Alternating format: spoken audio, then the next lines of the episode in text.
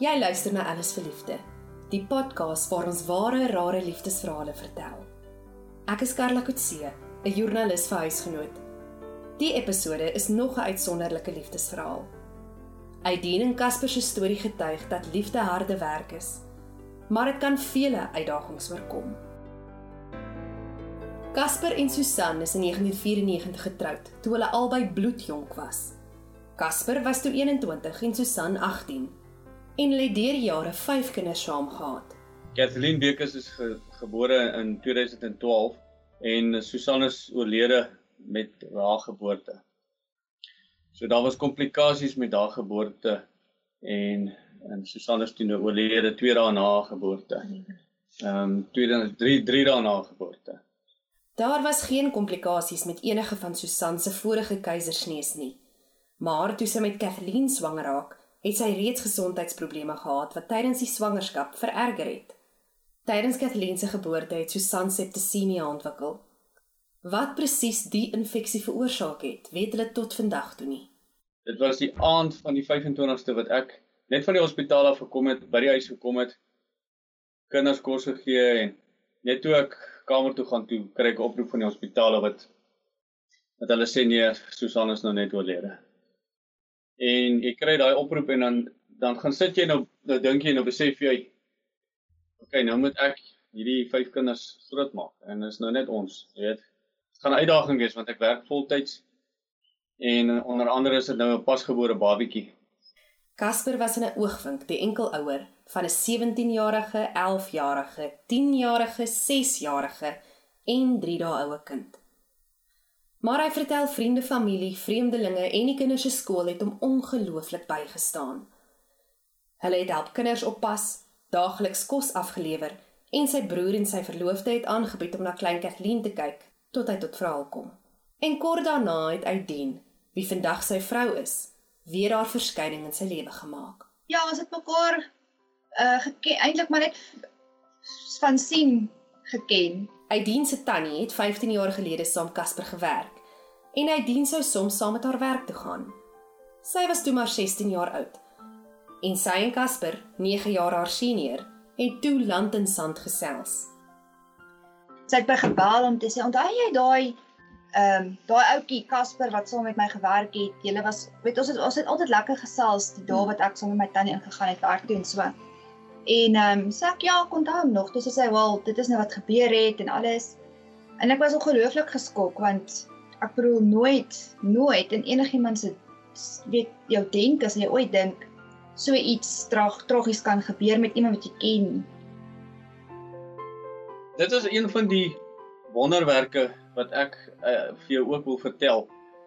Ehm um, ek het vir Aideen ontmoet en ek weet nie hoe om dit te beskryf nie, maar jy ontmoet partykeer mense en jy weet die persoon gaan in jou lewe wees. Jy of jy weet ons gaan vriende wees of jy weet jy en die persoon jy weet jy jy, hmm. jy, jy wil graag deel wees van die persoon se lewe. En, en dit is op daai voet wat ek en hy dien mekaar geleer ken het. Sy was baie jonk nog gewees. Casper vertel van 'n merkwaardige ontmoeting voor Susan se dood. Ehm um, ek en Susan het een, een keer gestap in 'n winkelsentrum en toe ontmoet ons vir Aideen ja. nou daar ek sien ons by Dina want Susan het ook vir Aideen geken. Ons het uh, by jare en funksies het ons mm. mekaar uh, uh, gesien en so aan. En ons het uh, gesels. So, dit was net so vinnig ontmoeting. Um, gegroet.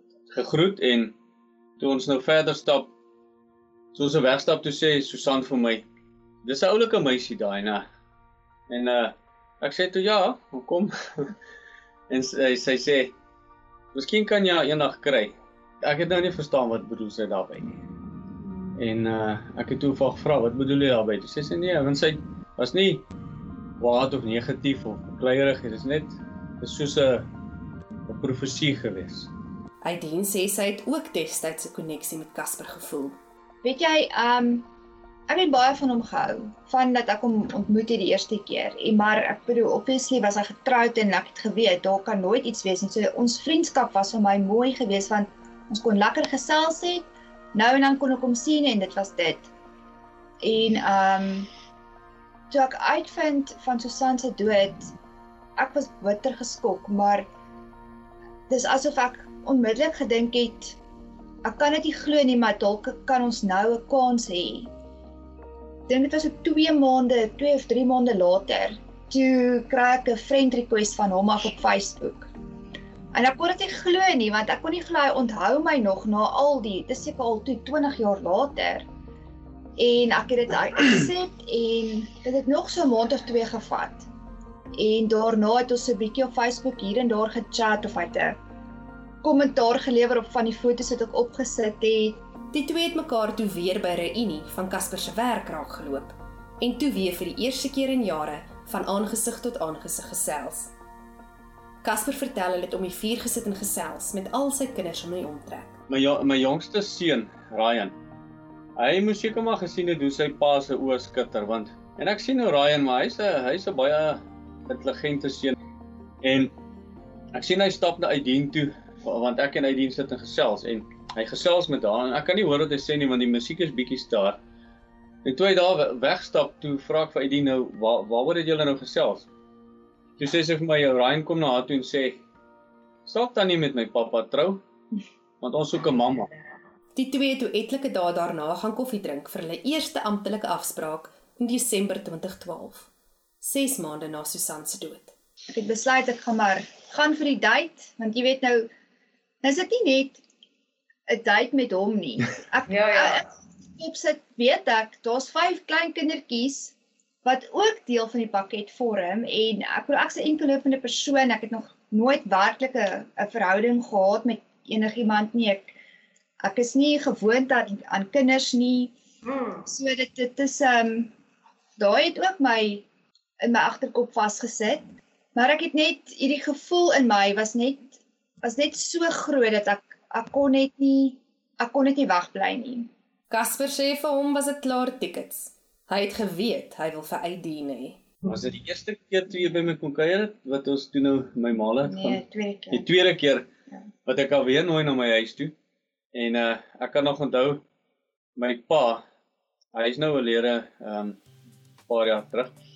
Maar op 'n stadium toe sy nou by my kom kuier toe, wag my pa tot hy my so eenkant kry toe.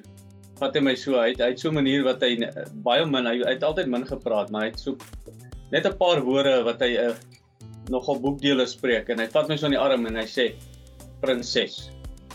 Dis al wat hy sê. Aideen erken sy was effens in die diep kant ingegooi. Maar sy besluit toe ek swem saam. Ek kom by sy huis aan en hy sê nee, ons gaan by my broer daar braai. Ek dink, okay, dis seker nie te bad nie. As dit net sy broer en dis 'n meisie is, dan is dit seker okay. Toe ons daar aankom, dis almal daar. Sy ma, stiefpa, al sy boeties, sy sussie, ewen die een skoonsussie se se ouers is ook daar gewees en ehm um, toe het ek die hele familie sommer op een slag ontmoet en dit terwyl ons nog nie eers hande vasgehou het nie. Ons loer nog eintlik net vir mekaar. Vir 'n jaar was die twee paartjie. ons het in 2014 verloof geraak. Hy het my gevra om te trou en ek het eers gedink hy maak 'n grap. Ehm um, maar ja, toe ek sien hy's ernstig toe sê ek ja. Ons het eers 2 jaar later in 2016 is ons toe nou eers getroud. So ja, toe ons verloof raak het ons uh saam ingetrek. Maar dit was allermins maklik. Ek is hierdie free spirited hillbilly en Aidine is hierdie militaristiese beplanner en alles moet vooruit beplan word. Ek is baie impulsief en so moes ek en Aidine maar by mekaar aangepas het.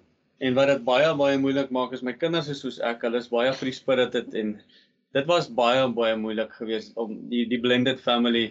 Casper het toe nog boonop vir sy BCom graad begin studeer en hy vertel die stres, tesame met hulle huishoudelike stres, het veroorsaak dat hy angsaanvalle kry. Casper het behandeling gekry daarvoor en vandag gaan dit baie beter.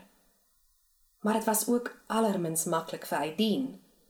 Ewe skielik het sy 5 kinders gehad om te versorg. die ervaring van kinders in die verskillende ouderdomsgroepe want ek het 'n kombinasie gehad van tieners en soos jy sê preteens en 'n kleuter. Ehm um, dit was die die tieners was vir my moeiliker om te hanteer. Kathleen was vir my eintlik maklik. Weet sy sy het haar sy het haar tantrums gehad en so aan, maar ek weet nie ek sal eerder 10 kleuters vat voordat ek 'n tiener aanvat. Jy weet 'n tiener is is vir my is vir my baie moeilik. Kathleen die jongste is die enigste een wat vandag vir Aideen mamma sê. Ek verwag nie en ek glo nie hulle sal ooit vir my mamma sê of ma sê nie, maar dit is oukei. Okay, want hulle het hulle het 'n mamma en ek is definitief nie hier om haar plek, ek kan nie, ek kan nie haar plek volstaan nie. Ek is nie dieselfde mens as wat sy was nie. En ek kan net hoop dat ons in die toekoms wanneer al hierdie moet ek sê tiener fases verby is en volwassenes dat 'n mens dan 'n 'n goeie verhouding het. Casper sê hy is vandag 'n beter mens te danke aan Aideen. Ons albei het onverbiddelik geveg vir ons verhouding. Dit het baie keer moeilik gegaan. Maar Aideen was die ene wat die mees vreeslose een was. Ek wou al baie keer opgegee het.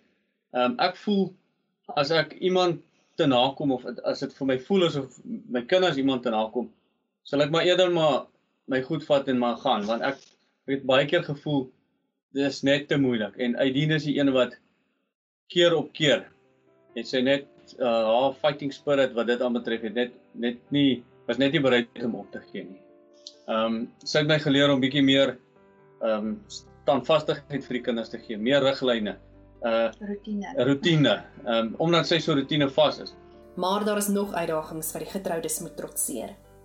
Aideen en Kathleen woon tans in Pretoria en Casper en die res van die kinders, insluitend sy eerste kleinkind, woon in Port Elizabeth. Casper het 'n werksaanbod daar gekry, maar hy dien wie 'n meesters in belasting het, kon nie 'n goeie werk kry nie en hulle kon bloot nie bekostig dat Casper nie die aanbod aanvaar nie. Ons gaan seker vir nog so 'n jaar omtrent in PE bly, hy in PE en ek in Pretoria en dan behoort ons weer terug te kom in een huis in. Maar Wat ek wil sê van hierdie tyd wat ons nou so apart is, is nou al 'n jaar en 4 maande en on, ek dink ons verhouding het op 'n punt gekom waar die konflik het regtig erg geraak met die veral met my en een van die kinders en die breek wat ek en veral die een kind nou het weg van mekaar af. Ek dink dit het, het baie ge, gehelp om die gemoedere te laat kalmeer en ek dink dit gaan definitief elke keer wat ek hier kom of wat ek weer met die kinders doen het, gaan dit net regtig dit gaan beter. Aideen en Casper se droom is om binne die volgende jaar Kanada toe te immigreer saam met hulle kinders. Vir nou gesels almal daagliks en gaan kuier Aideen en Kathleen gereeld vir die res van die gesin. En Casper en Aideen hou aan om vir hulle huwelik te veg en vir mekaar. Alles verliefde word deur my vervaardig en geredigeer en elke eerste Vrydag van die maand stel ons nog 'n episode bekend. Indien jy van ons vorige episode misgeloop het, gaan luister. Hulle is op enige app waar jy na podcast kan luister beskikbaar. Tot volgende keer, wanneer ons weer die liefde vier.